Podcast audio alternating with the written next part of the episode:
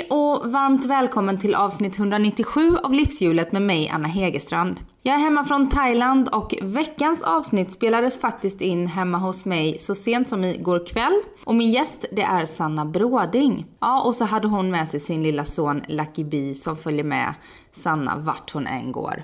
Och inte nog med att Sanna är nybliven tvåbarnsmamma. Nästa vecka har hon premiär för sin föreställning som är baserad på hennes självbiografi För mycket av allt som släpptes i september förra året. Sanna är en återblick och hon gästade mig i avsnitt 33 första gången och det är lite drygt tre år sedan. Hur hennes liv har ändrats sedan dess ska du få höra alldeles strax. Livshjulet distribueras av Acast och som vanligt är det Kim Wirsén som klippt avsnittet. Och gå gärna in och följ Livshjulet på Facebook och om du vill så kan du följa mig på Instagram där jag heter Anna Hegerstrand. Nu Sanna Brådings livshjul, varsågod.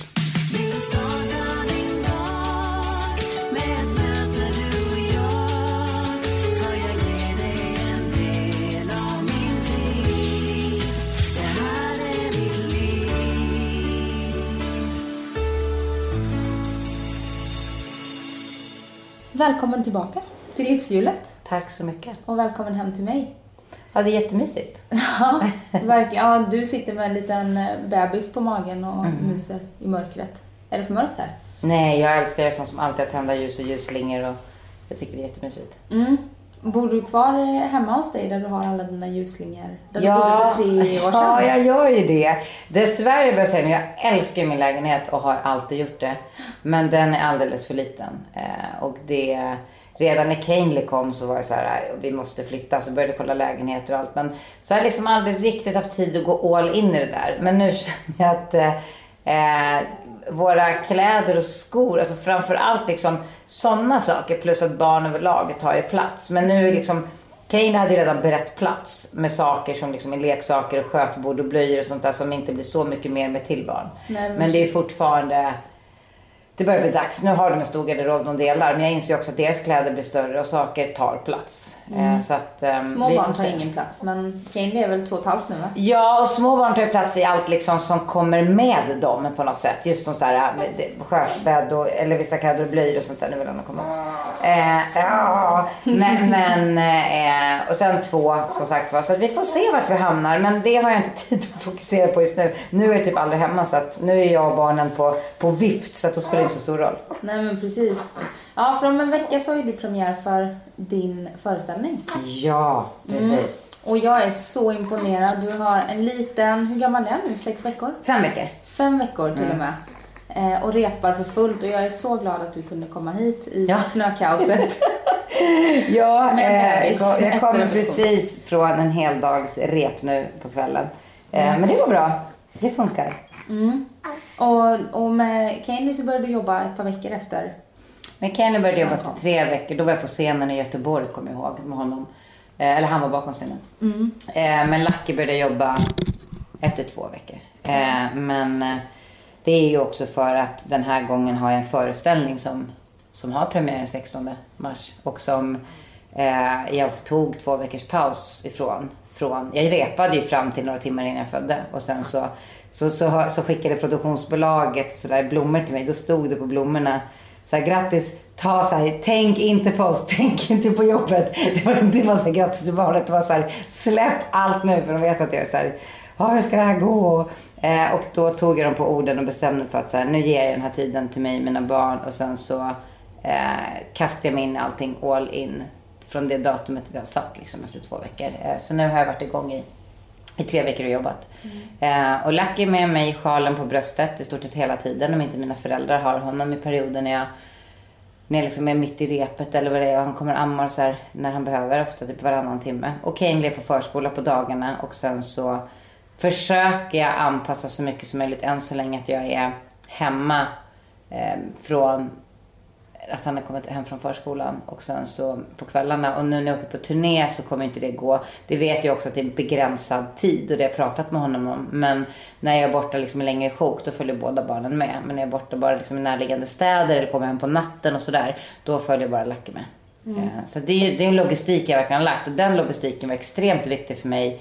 För jag vet att jag kommer aldrig kunna vara koncentrerad på scen eller göra ett bra jobb om jag eh, vet att mina barn inte mår bra. Det är verkligen prio. Jag, jag, alltså jag vill vara nära mina barn så mycket jag bara kan. Och så har jag varit med Kingsley. Vi har levt som ett team sedan han föddes. Det var precis nu innan BB som jag övade honom på att sova ifrån mig för första gången. Jag har aldrig varit ifrån honom eh, en natt eller någonting. Men det var ju bara för att jag insåg att om jag stannar kvar på BB så kommer det bli en lite stor grej för honom att först få ett syskon plus att mamma är borta första gången och det vet inte bra. Så då så övade vi från november vid tre tillfällen att han sov ifrån mig. En gång med sin pappa och sen eh, två gånger med mormor och morfar. Och så gick det så bra så pratade vi om det. Så, här, så han var väldigt förberedd på vad som skulle hända när jag väl åkte in och eh, och födde. Han var med mig när jag hade verkar och så. Så åkte jag bara in. Sen kom ju Lucky på, på en kvart typ. Så att jag ringde och bara, du kan komma nu. Så det blev inte att jag försvann så mycket. Men sen stannade jag ju kvar på BB efteråt. Och då kom han hälsa på. Och då, då var det hur lugnt som helst. Och så är det samma sak med jobbet. Att liksom få, så länge jag vet att barnen mår bra eh, så, så känns det okej. Okay. Jag har ju ändå lyckan att ha ett jobb både som jag älskar men som också går att ha barn med på. Och som går att jobba med på det sättet. Det, jag, när jag väl är på scenen, ja det är en och en halv, två timmar. Men annars så kan jag ju vara med barnen. De kan vara med backstage och de är med i hotellet och på resan och sådär. Så det funkar bra. Mm. Har du stött på någon kritik från andra som tycker att jaha, du är inte hemma med dina barn i början? Som tänker lite ja, mer när jag, när jag fick Canely och la upp ett kort, kommer jag ihåg, från logen där i Göteborg på någon, jag tror det var på någon kulturfestival jag jobbade eh, när han var tre veckor. Då var det en del som bara, men herregud, kan du inte ens vara ledig? Men då känner jag så här, det, det där med att döma andra, det, jag har fått så mycket eh, kommentarer om det mesta i hela mitt liv. Folk tycker jag ska ändra min klädstil eller klippa mina naglar för att jag får barn eller sluta jobba eller vad det än är. Egentligen långt innan jag fick barn så tycker, tycker ju människor så mycket som, som de faktiskt inte har att göra med. Eller de, alltså, uppenbarligen, de som kastade det där på mig, de har ingen aning om hur mycket jag är mitt barn. Jag var med Kanely alltså dygnet runt, förutom den timmen då jag stod på scenen. Då var han med sin mormor. De flesta barn har en mamma och pappa. De kanske delar halva halva. Alltså mm. att vara med mormor är likadant som med pappa. De närmaste i familjen. Det mår inte ett barn dåligt av. Ett barn mår bra av att ha en väldigt nära relation med sin mm. familj. Eller liksom över generationsgränser och allting som jag tyckte är extremt viktigt från början.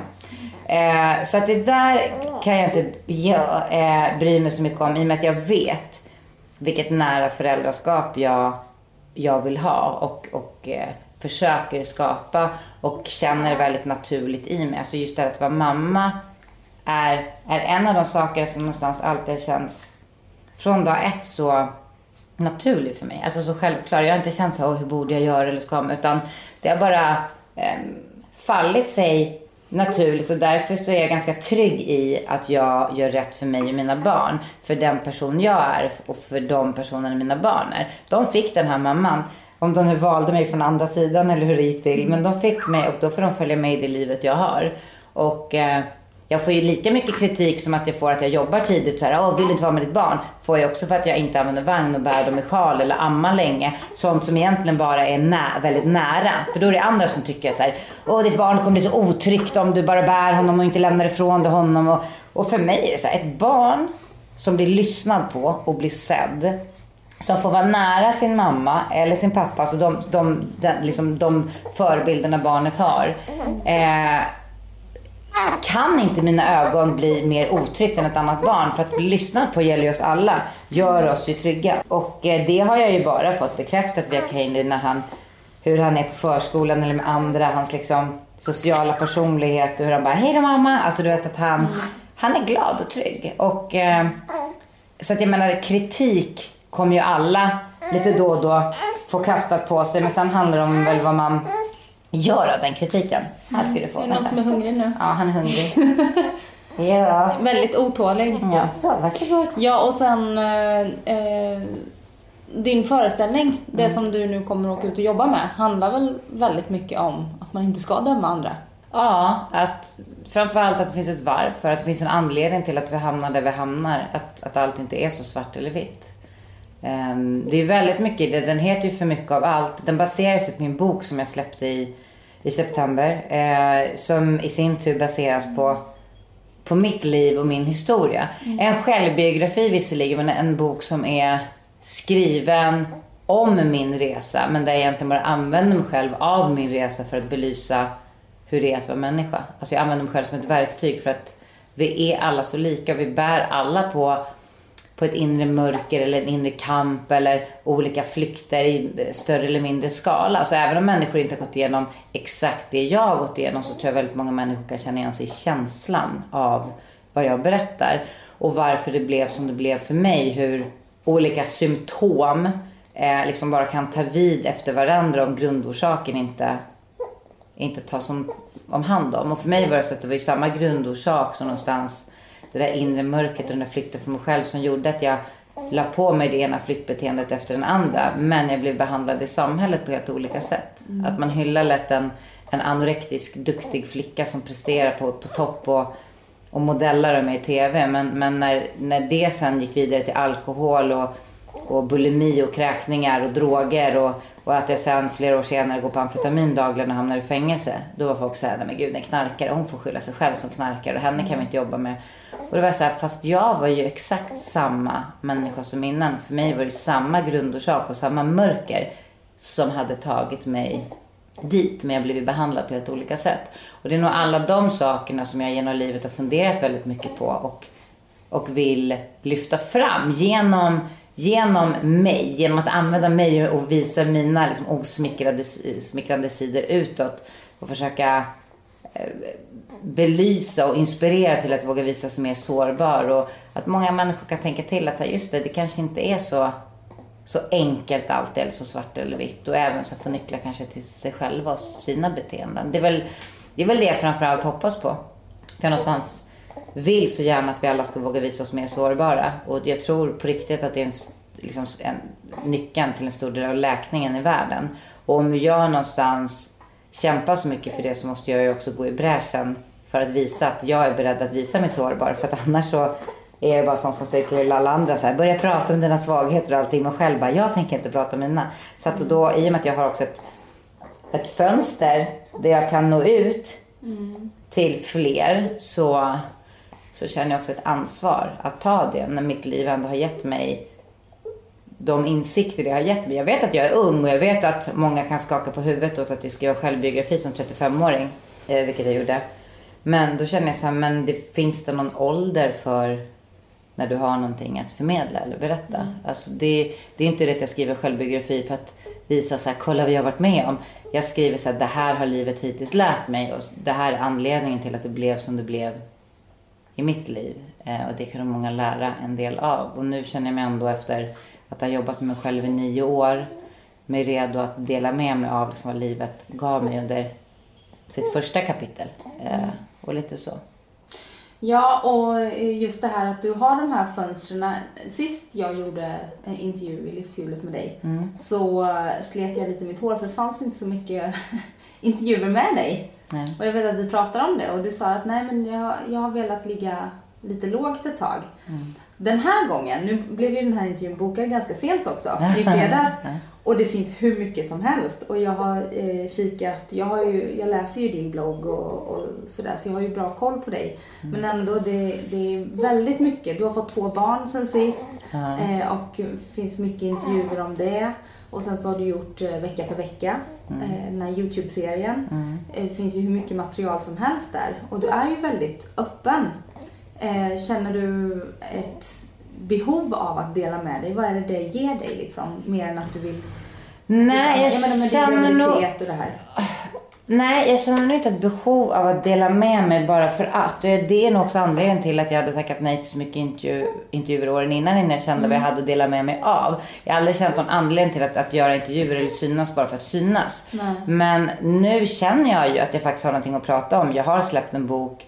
Mm. Jag eh, har Piro Bråding som är också i samma familj där vi liksom belyser, som också är ett program som jag producerar och programleder liksom en, en liten bebis och att, att, ta fram någonting om livet. Och jag har min föreställning där jag, där jag kan där jag pratar om saker som är på riktigt. Och någonstans går ju det ihop med hur jag lever och mitt liv och vad jag vill förmedla. Alltså, mm. Jag vill någonstans, det, är inte, jag, det finns ingen så här, jag går inte omkring och tror att jag är fullärd på något sätt. Men jag vill ändå försöka leva som jag lär på något sätt. Att så här, ja, jag går fortfarande i terapi, jag har mina issues, jag lever som ensamstående. Saker blir inte alltid som, som man har tänkt sig i livet. Men det finns så mycket fint i det och jag tänker inte, alltså jag vill också visa att, att att jag inte deppar ihop. Du vet, för det, det är som att vissa människor tycker så här, "Ah, det var så typiskt och nu händer det här och så är jag själv med de här. Men vet, istället för att säga, kolla vad fantastiskt, vad mycket som, som blev så fint i det där. Och, och, och kunna inspirera och peppa andra till att, att se det också och inte bara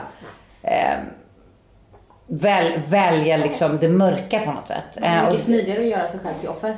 Ja, och jag känner att, att jag tycker väl om att kunna förmedla någonting när jag, när jag kommer till en insikt eller någonting som gör mig glad. Och också kunna visa på hur det är rätt så här utan filter. Alltså för att det finns så många fasader som folk visar upp i vårt samhälle. Och jag vet också hur mycket det bidrar till att människor mår sämre. Och det är de jag vill vara med och krossa på något sätt. Sen har vi ju alla liksom, det är svårt att, att visa allt och det har jag inget behov Jag har inte behov av att vrida ut och in på mig för själv bara för att säga kolla här är jag. Det är inte det. Det är inte att jag så här, ringer pressen om jag är hemma på sjukhus. Så har jag aldrig varit. Där är min integritet. Alltså det är så här, Ja, jag håller det hemligt som jag har lust att hålla hemligt. Jag har mitt privatliv och väljer vad jag delar med mig av.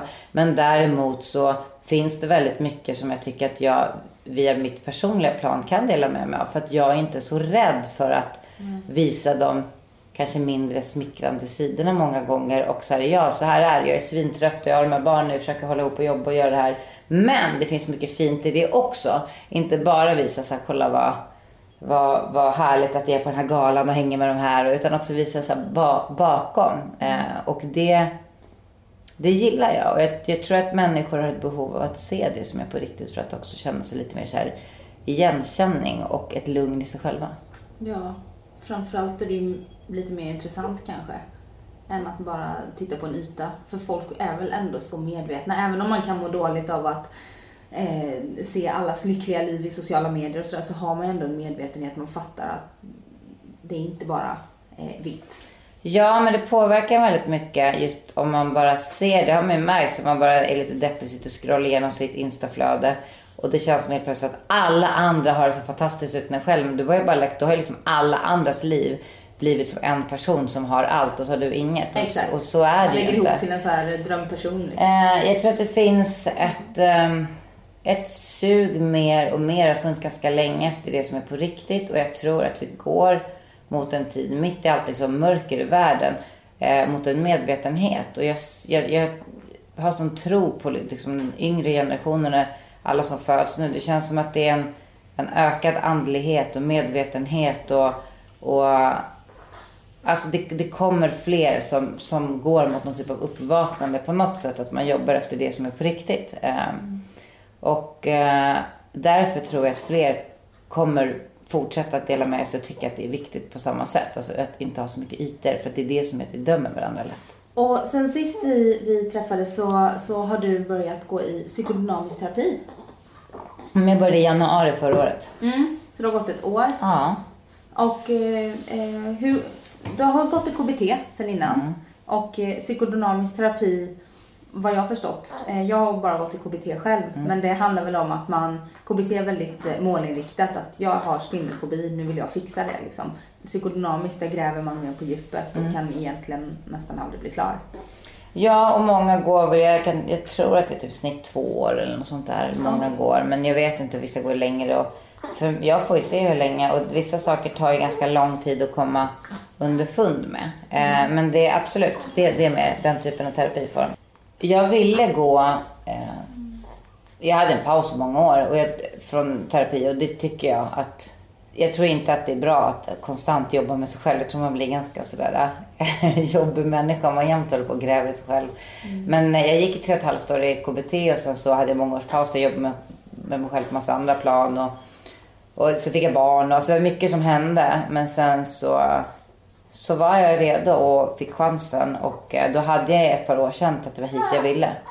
Och jag vet ju också att det var en, en, en terapiform som jag inte riktigt tror att jag hade varit redo för tidigare. För det kräver ganska mycket. Eh, och nu vill jag verkligen bli synad och liksom sticka hål på det där och nå min kärna. Som jag liksom genom KBT har... Oj! Där kom rapen. Ja. som jag, eh, nej men det är som att jag genom alla år har skalat den där löken som man ofta pratar om. Alla, alla olika flyktbeteenden och mönster jag haft och nu någonstans närmat mig min kärna. Och nu är vi vid min kärna och nu är det liksom den vi jobbar med. Så här, varför blev det som det blev för mig? eh, från grunden. Vad var det jag flydde ifrån? Även om jag vet att det är en känslighet och allt det där. Men vad var det? Liksom, vad är det som gör att jag känner att jag måste prestera så mycket? Eller vad, eh, många gånger finnas där för att känna mig värd och bli älskad. Det där som har varit drivkraften bakom mycket av mina flyktbeteenden. Och mm. hitta så här, vad det är. Just också för att kunna förmedla eh, en bättre bild till mina barn av vad som är liksom, att vara en bra människa. Att de inte ska tro att deras mamma är en supermänniska som klarar allt. Utan att det är okej okay att eller det är väldigt starkt att visa det där som man ser som svagheter i samhället. Att visa liksom hela paletten. Mm. Eh, jag har ju också haft ätstörningsproblematik och under tiden jag var gravid så eh, jag var ganska noga med att säga till min barnmorska att eh, jag har haft den problematiken för det kan ju lätt komma tillbaka i en mm. graviditet så får man vara lite försiktig med det. Mm. Eh, hur har det varit för dig under dina två graviditeter? Eftersom att du har ändå en stark anorektiker i dig. Ja, jag sa det till min barnmorska på mödravårdscentralen. Första gången jag var gravid bara berättade så här, det här kommer jag ifrån, mina missbruk och ätstörningar och allting.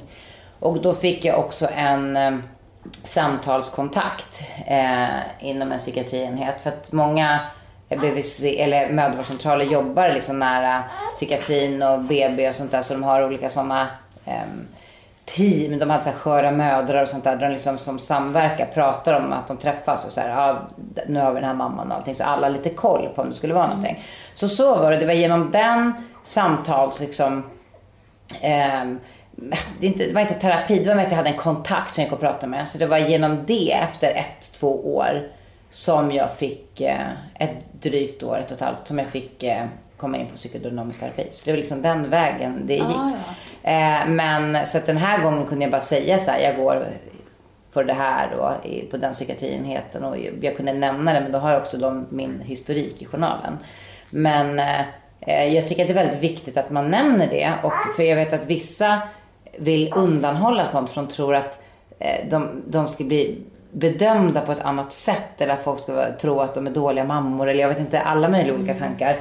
Men det är snarare bättre att känna så här, ja vet om det här så händer någonting, då behöver inte jag åka till psykakuten. Då har jag ett nummer jag bara kan ringa. Då kan de extra koll på mig. Alltså, det är så skönt att bara veta att det finns någon där. Mm. Sen så har jag hittills, peppar peppar, aldrig behövt det. Jag hade inte ens liksom någon sån här tre dagars blues ens med Candy. Lite mer den här gången där i början att jag blev väldigt påverkad av hormoner det första liksom, andra dygnet.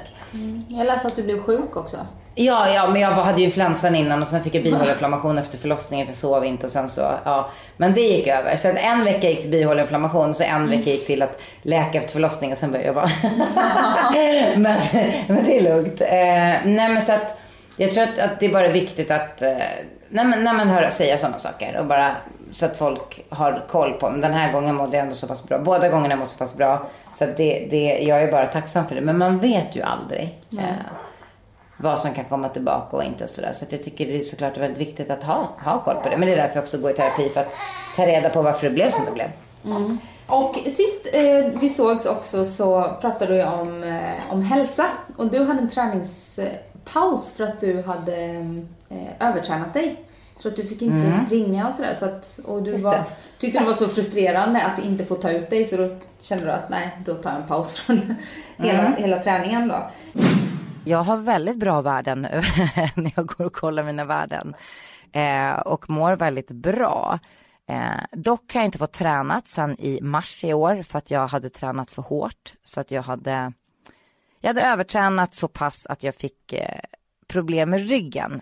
Lång story men musklerna tryckte ihop min ryggrad så att jag fick så att lungorna inte, för bröstkorgen då trycktes ihop så jag fick mindre lungkapacitet. Så att jag svimmade om jag, om jag ehm, eh, pressade mig för då behövde jag mer syre och då kunde inte lungorna vidga sig. Så att det började med att jag hamnade på SÖS i mars och hade syrebrist i blodet men de var så här, men du har jättebra värden men det här var jättekonstigt och sen så skickades jag vidare. Sen så hamnade jag hos min naprapat som, som, som såg direkt vad det var och var så här, men det här är jättevanlig idrottsskada hos folk som pressar sig för hårt. När kanske magmusklerna inte orkade hålla emot om jag hade tränat ryggen för hårt på så sätt. Hur, hur är det idag då? Eh, efter två graviditeter, två förlossningar, varav den senaste för fem veckor sedan. Eh, ja, nej men nu kan jag inte träna. Eller nej. det går inte så bra. Min kropp är väldigt... Jag märker att jag tagit mer på kroppen men andra graviditeter. Jag har lite svårare att återhämta mig. Bara så här, magmusklerna, med Kane gick de tillbaka direkt. Den här gången har han gått tillbaka hela vägen förutom så här litet glapp runt naveln. Ja. Så får vi se om jag får någon så här brock där. Men förhoppningsvis så läker det väl. Men jag märker att eh, eh, jag kan ju inte, man ska ju inte heller hålla på första månaderna och liksom ta ut sig. Men jag försöker, för jag har en dansgrej. Så jag, efter några veckor så la jag en sån här koreografi till min föreställning. Eh, och då märkte jag att så här, oj det här går inte, oj det här, alltså jag märker att kroppen är så här mjuk, jag har ont. Så att jag försöker bara vara snäll mot mig själv och eh, inse att det här, det får ta den tid det tar. Nu när jag jobbar så mycket och inte sover och sen har barnen, det är klart jag har ont, jag har ont i liksom gammal träningsskada i axeln som är, det kommer tillbaka när jag ammar, kommer tillbaka förut. Jag bär hela tiden i sjal, massa grejer i ryggen. Jag känner, jag känner, kroppen är mjuk av alla hormoner med amningen. Jag har ammat Kainley i två år och sen så kom nästa och sen så, ja men det har liksom bara pågått så att det är klart, klart att jag märker att kroppen är påverkad. Men jag är ändå väldigt tacksam över vilken stark kropp jag har och jag längtar ju efter att kunna komma tillbaka för däremellan har jag ju kunnat sprungit en hel del. Till exempel, jag gillar att springa och ser det som något meditativt också för jag har inte liksom haft tid att gå på några andra liksom inbokade träningar för det tar för mycket tid tycker jag. Eh, Så då har jag kunnat sprungit när vi har varit på landet eller hos mina föräldrar och hälsat på och sånt. Men sen Kaeli började förskola så när han var ett och ett halvt så blev det inte så mycket träning för att jag kände att jag ville inte ta den tiden från han i förskolan. Så då jobbade så effektivt jag kunde. Så åt jag mig när jag jobbade. För jag bara tänkte så här, minimera för att hämta han tidigare. Jag har varit väldigt mycket så första halvåret. Och sen mm. tränade under sommaren och sen så. Eh, ja. Men sen så, sen jag blev gravid så jag mått så, så himla illa. Så då, då la jag ner det igen. Mm. Eh, men jag längtar efter framförallt komma tillbaka till yogan och bikram yoga. Och eh, eh, att kunna vara ute och springa. Mm. För det är det som också är liksom både fysiskt men även det mentala, liksom psykologiska och meditativt. Men eh, jag eh, inser att nu skulle det inte vara hälsosamt för mig att träna på ett annat sätt. För att nu skulle det ta för mycket på min kropp. Och det är ett nytt tänk jag har. För att just att det finns en tid för allt. För att förut hade jag aldrig okejat det. Men jag inser att min kropp kommer inte må bra av att jag pressar mig på något annat sätt. För den kommer inte hålla för det. Eh, utan nu finns det, det finns en tid för allt. Så att den här våren eh, kommer jag fokusera på, på jobbet och barnen och, och, och, sova när jag kan. För det gör jag knappt. Och sen går gör jag mycket. Men sen så får jag nog börja bygga upp mig. För bygga upp mig, träna upp liksom musklerna och knipövningar och sånt där. Det är ju viktigt. Men bygga upp hela det, det får jag ta liksom under sommaren. Nu när, när också allting har börjat landat i kroppen efter 12-13 veckor. Så mm. Det kommer. Och just sömnen är ju viktig, för mig i alla fall, för att jag ska må bra. Mm. Och det får man ju inte så mycket av under småbarnstiden. Jag slutade faktiskt att helamma efter tre månader för att jag var så mentalt slut av att ta alla nätter själv. Så att vi har delat ganska mycket, jag och min, min kille. Mm. Men du eh, lever ju själv med dina barn. Mm. Och alla nätter mm. själv. Hur funkar det med, med sömn och jag tänker det blir ju aldrig liksom någon Nej men nu, Lucky blev sjuk när han var tre veckor, blev förkyld. Då, då var man tvungen att sitta med han uppe hela nätterna för att han inte kunde ligga ner och andas. Så då var British hos oss, alltså jag har en jättebra relation med barnens pappa. Mm. Vi har liksom hängt i 11 år och, och vi är fort, vi är alltid så här, när folk är tillsammans, vi bara, alltså jag, det är ingen av oss är ändå redo att gå vidare och vi har ju ändå barn tillsammans, men jag bor själv och, men det är liksom som att han finns där men ändå inte. Det är lite svårt att förklara för människor som inte förstår. Men, men, men eh, han finns där nu mer och mer. Alltså, och ändå hjälper till. Han, han, han har hjälpt mig flera gånger nu och hämtat och lämnat på förskolan efter förlossningen. Och, och nu, som, nu när jag inte kan, jag åker hit efter jobbet för vi vill inte att Kaeli ska gå längre än till fyra på förskolan. Nej. Och, alltså han finns där och det har blivit bättre. Och, och, och då var han och hjälpte till, för han är uppe på nätterna oftast. Och då kom han och hjälpte till. Så jag kunde sova åtminstone kanske en och en halv timme i sträck ett sjok. Och sen var uppe med honom. Men det just för att det här, för sen ska han ändå amma. Och, men det så. Men det hjälpte mig jättemycket. Bara få så en timme eller två sömn ihophängande eh, är, ger mig jättemycket nu. För det är ju inte riktigt vad jag är van vid att få. Eh, så att, eh, och jag vet också att, att nyblivna mammor med hormonpåverkan så klarar sig på ungefär hälften av sömnen enligt barnmorskor. Så att jag menar, får jag fyra timmar så ska jag fixa det rätt bra. Det är väl typ vad jag får. Eh, men, Eh, Många vi- kan ju vila på dagtid när de är mammalediga och det gör inte jag för jag jobbar hela dagarna. det är så sant. det, det är ju där och då krävs det nog lite mer vila. Så jag märker när jag ska lära mig text och sånt att jag bara att a- hela amma och inte sova och sen försöka mosa in typ två timmars manus i huvudet. Det, eh, det är som att så här, lära sig något med, med, med som ett, här, lock på huvudet och bara vad är det jag ska säga? Men det funkar. Eh, så att jag får ändå hjälp både av mina föräldrar och av barnens pappa. Eh, även om liksom, huvudansvaret är mitt och jag bor själv med barnen och jag, jag tar ju väldigt, och nätterna tar jag själv. Men, men så när det liksom krävs eller behövs så, så har jag backup och jag, på helgerna har jag åkt till mina föräldrar eh, och, och fått hjälp med dem så att Kaeli verkligen kan leka av sig och jag kan få någon, någon vilopaus och inte behöver bära. För Lucky precis som sin storebror att han vill bli buren konstant. Han vill inte vara själv, vill inte åka vagn, vill inte ligga på rygg och vill inte ligga själv i en, ett babynest, en babysitter, någonting. Så att, att alltid göra allt med en hand, att så här, okej okay, nu spring in och duschar för att han inte ska skrika. Men du vet, det, sånt blir också skönt när, när jag åker på helgerna till mina föräldrar och sånt där. Att kunna få en liten, liten tid för mig själv och att jag kan laga mat typ och de kan stå och hålla lacke. eller ja du vet, morfar kan leka med Hailey och mormor håller lacke. och det, det underlättar. Så att allting går, det handlar bara om lite logistik. Mm. Och hur skulle du säga, du sa det att, att eh, barnens pappa, han är Mm. mer och mer delaktig. Hur skulle du ställa dig till om han liksom kommer och en dag och vill ha eh, ge- en gemensam vårdnad, att lämna bort barnen? Eh, nej men det har vi pratat om från dag ett jag har alltid varit såhär, aldrig. Nej. Eh, nej, Men det är han, rimligt. Han vet, eller vi har pratat om det och jag sa innan Kaeli blev till så jag sa jag eh, kommer aldrig klara av att ha ett varannan vecka-liv. För att jag vill inte förlora halva tiden av mina barns uppväxt. Jag lägger ingen värdering i det, hur andra gör. Men jag kände så starkt redan innan jag blev mamma att så vill inte jag leva. Alltså när jag skaffar barn vill jag vara med mina barn. Våra barn. Men, men och då var jag så här, om du inte bor här så du är välkommen när du vill. Men eh, jag vill inte lämna ifrån mig dem. Eh, och det kan ju vissa tycka är egoistiskt. Men, men i hans fall så kände han att så här, han bara, jag tycker han, han tyckte bara så här, men jag tycker de ska vara med sin mamma. Jag tycker de, alltså det är bra. Han bara, jag tycker du är fantastisk med dem. Och han har varit väldigt mån om att eh, liksom säga hur trygg han är med mig som mamma till barnen. Och det är inget så här, alltså att han känner ju verkligen att det är bra på det sättet. Och nu så börjar han bygga en relation mer och mer med, med barnen. Framförallt Kaelin när han börjar bli äldre och kan kommunicera mer och sådär. Så att de har sin relation. Och i och med att han alltid har funnits i Kaelins liv framförallt för att han är ju den äldre.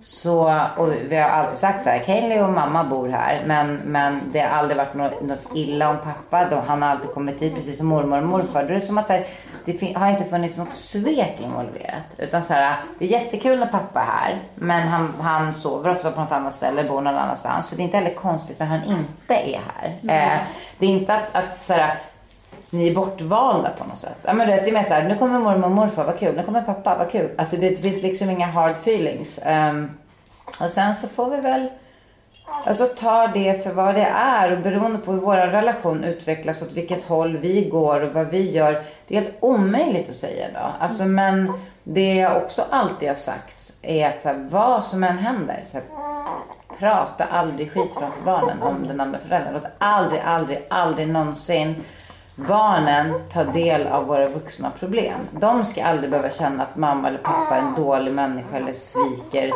eh, sviker någon bara för att den vuxna känner det. Och det har jag varit så här, väldigt noga med att prata om. Eh, så där håller vi väl eh, båda med. Ja men du vet på det sättet. Så det är sådana saker. Sen så tänker jag så här, fan, familjer ser olika ut. Det behöver, inte vara, det behöver inte vara sämre bara för att föräldrarna inte bor ihop. Det behöver inte vara sämre eh, Eh, för att man, man eh, alltså lever på de mest konstiga konstellationer med olika syskon från olika föräldrar eller varannan vecka eller varannan helg eller, eller två mammor och två pappor eller en mamma eller bara en pappa. Alltså, allt, jag har sett det mesta. Jag har killkompisar som tagit hand om sina barn helt själv. Jag har tjejkompisar som har levt ensamstående från start. Eller jag har kompisar som har barn med flera olika eh, män eller kvinnor och alla har jättebra relationer. De som, som är, bor tillsammans och eh, där, det, där det inte alls finns någon tid eller kärlek. Alltså, sen så finns det de som bor tillsammans där det är fantastiskt. Alltså, det, det, ingenting behöver bli bra bara för att det är så här, vi är gifta och lever ihop och det är en kvinna och en man. Alltså, det är så här, jag menar, kolla hur familjer ser ut. Så länge det finns kärlek, så länge det finns trygghet. Eh, så, och värme, så spelar det inte så stor roll. Men det är klart att så här, jag har tillåtit mig själv att känna en sorg över att jag inte har fått delat det här med någon på samma sätt som många som säger, åh nu planerar vi att bli gravida och sen så följer båda med till alla BVC-möten och, mm. eller MVC och sådär. Men nu blev det så här i mitt liv och jag fick två fantastiska barn. Och jag har fortfarande en väldigt fin relation med pappan. Och det var han som skulle vara pappa. Mina barn fick samma pappa. De kan alltid dela honom. Mm. Um, och det blev bra. Uh, och det är klart att det kan vara jobbigt ibland att vara själv och känna så här att, att inte få liksom den backupen eller bli sedd på det sättet som kvinna. Men, men jag tänker så här, den tiden kommer också. Nu blev det så här. Det var så här mitt liv skulle bli.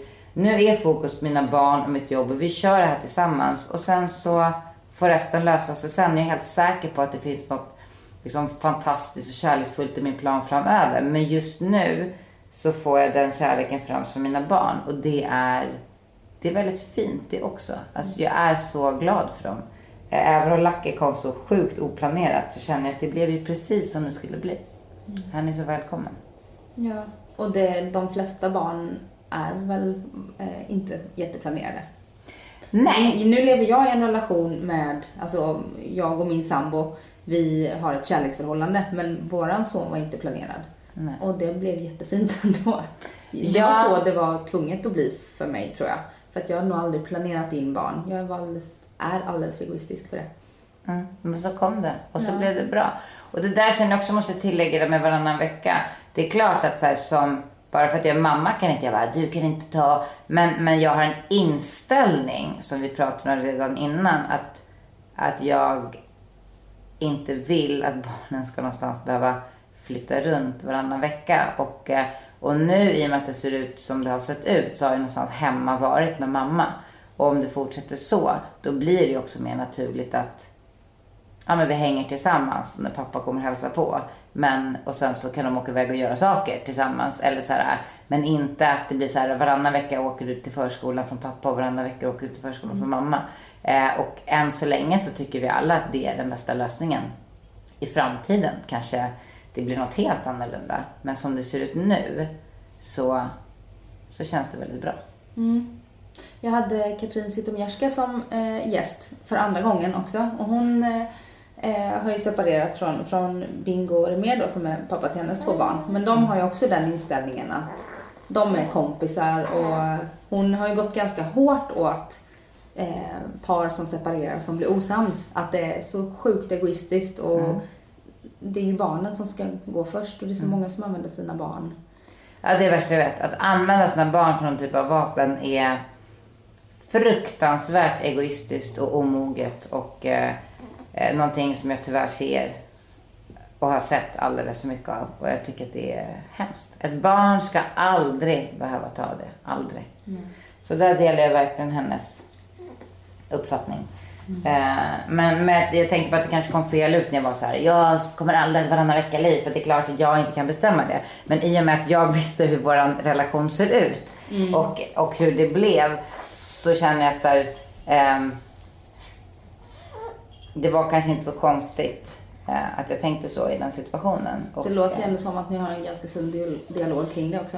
Ja, precis. Så att, eh, och vi får se. Men, det, men jag känner fortfarande väldigt starkt att, att det, det, det skulle vara en jättesorg för mig att eh, behöva vara ifrån mina barn varannan vecka. För det var inte, det var inte därför jag skaffade barn, för att, vara, för att missa halva deras uppväxt. Nej. För det är så det blir.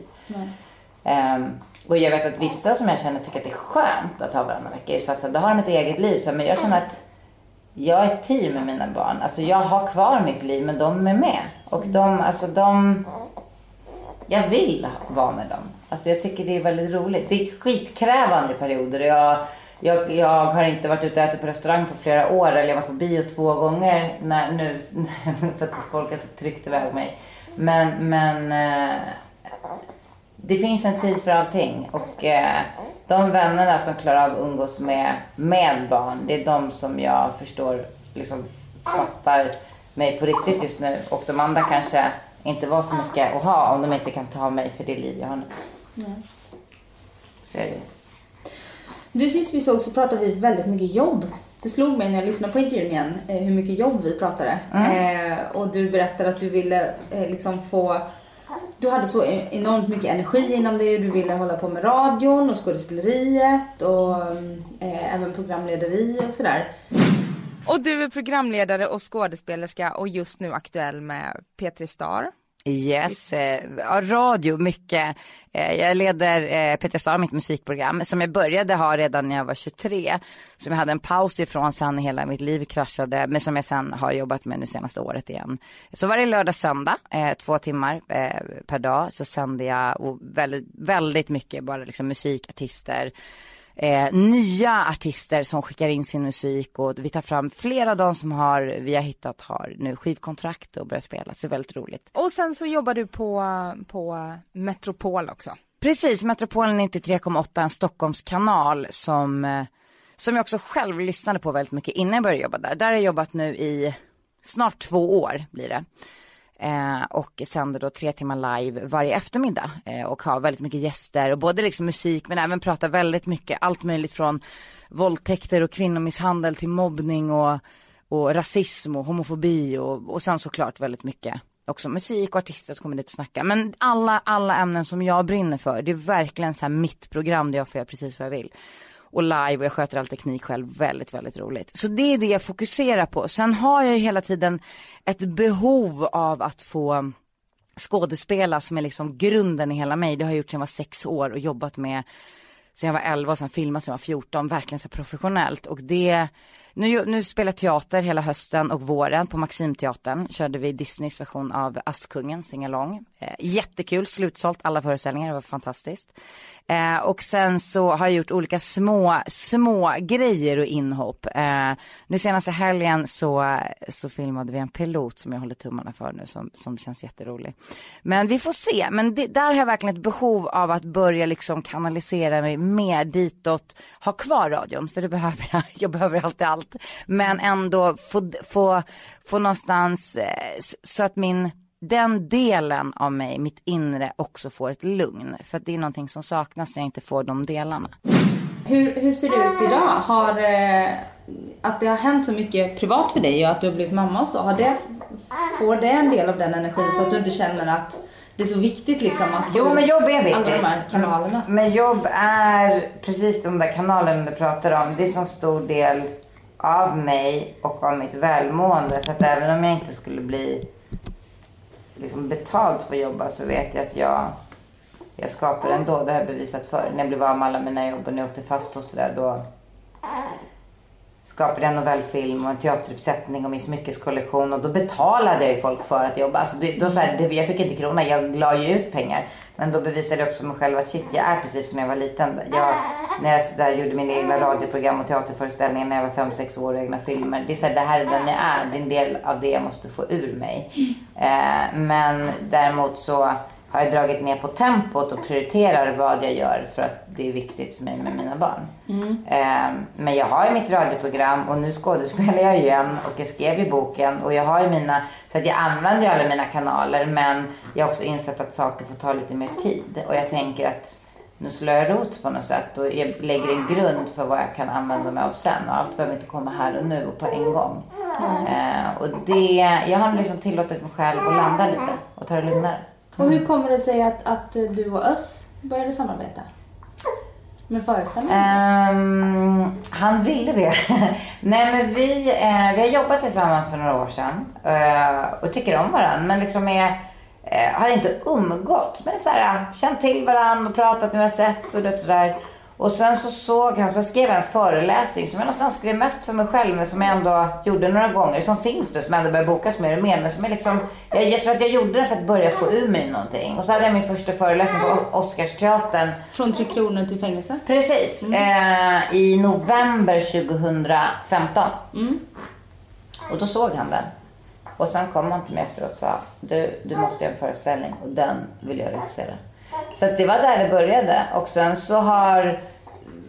Och då var jag såhär, ah, ja, sen skrev jag boken. Det var inte att jag bara, alltså det fick ta tid. Men sen så liksom leddes jag fram. Mina vägar lades ditåt och helt plötsligt så, så var det dags. Och jag tror att så är det när det är någonting som är meningen i livet. Så då blir du vägledd ditåt. Alltså, jag tror att det här med en sån sak, precis som boken, att det låg inget så krampaktigt jobb in, liksom bakom. Att jag bara, jag måste göra det.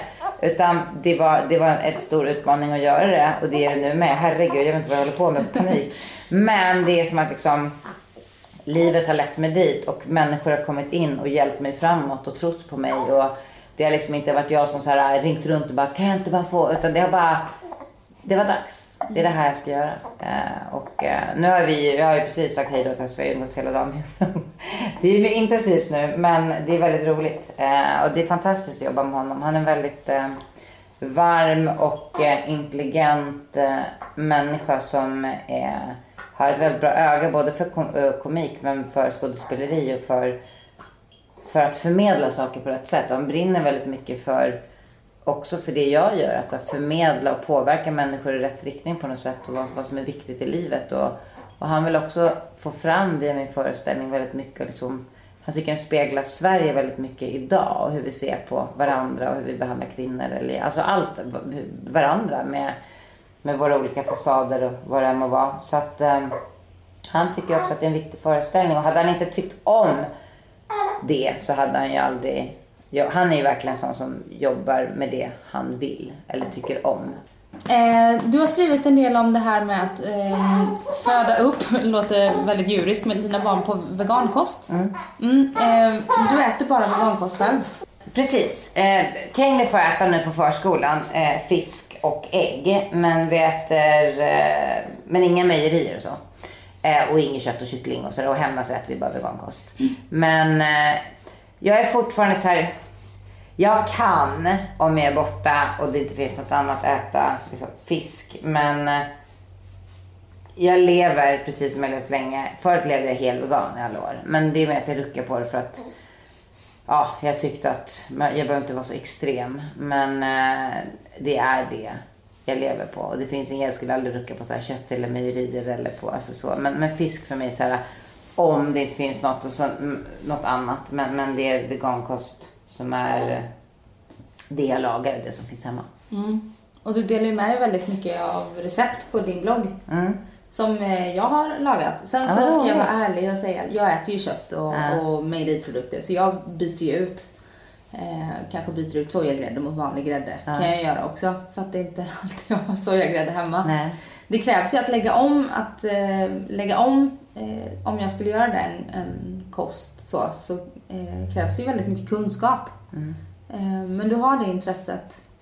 Ja, eller ja. Jag levde som vegan under så många år när jag växte upp.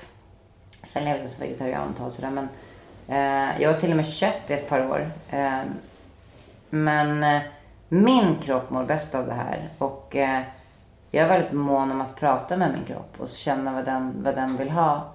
Eh, och mina barn kan ju inte göra det än. De kan ju bara bli vägledda av mig. Men i och med att jag tror på det här och även för ett, ett ett hållbarhetstänk för världen. Att vi kan inte leva som vi gör idag. Alltså, det är väldigt egoistiskt att äta kött på det sättet som vi gör idag. Eh, för, för jorden, för djuren, för koldioxidutsläppet, alltså för miljön. Det är den eh, största miljöboven, köttproduktionen.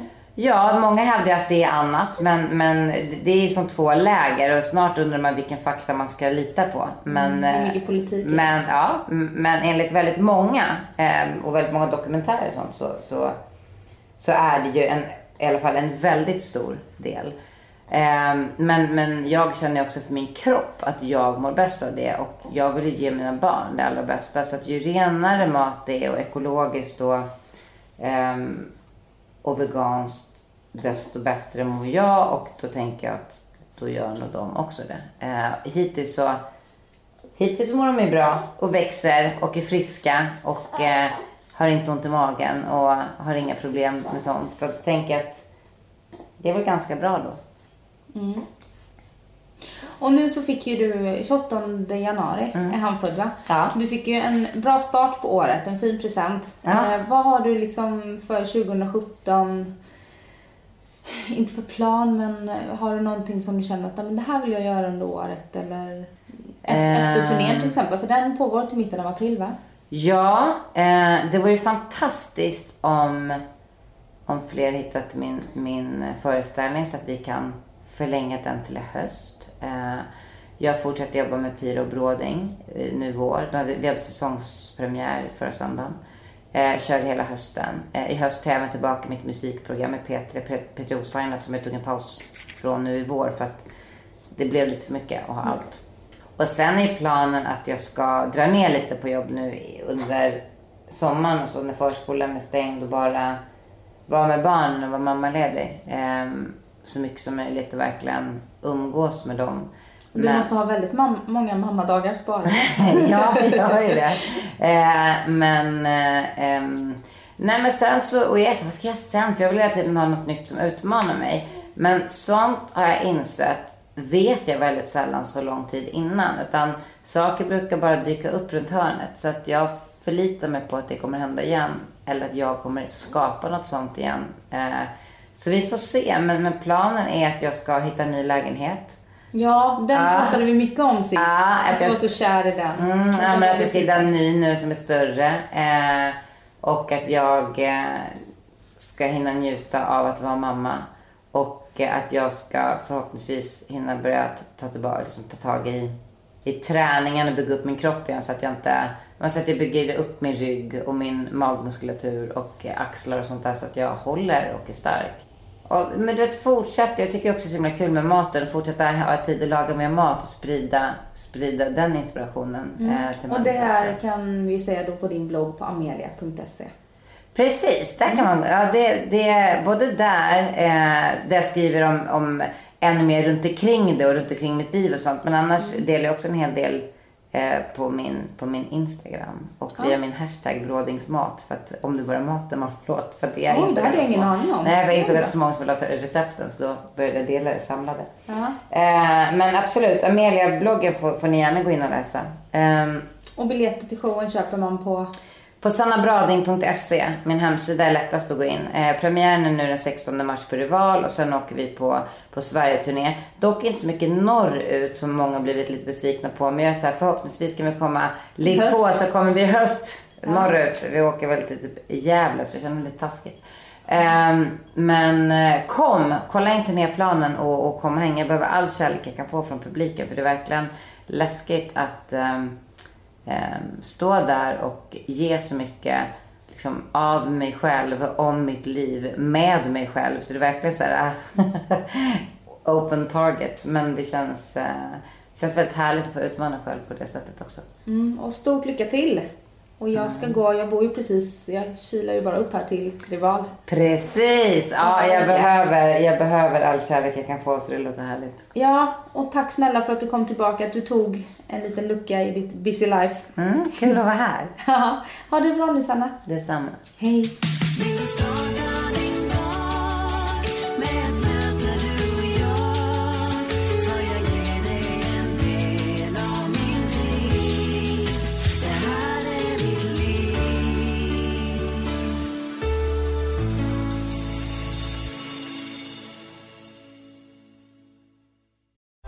Snart startar vår stora färgfest med fantastiska erbjudanden för dig som ska måla om. Kom in så förverkligar vi ditt projekt på Nordsjö Idé och Design.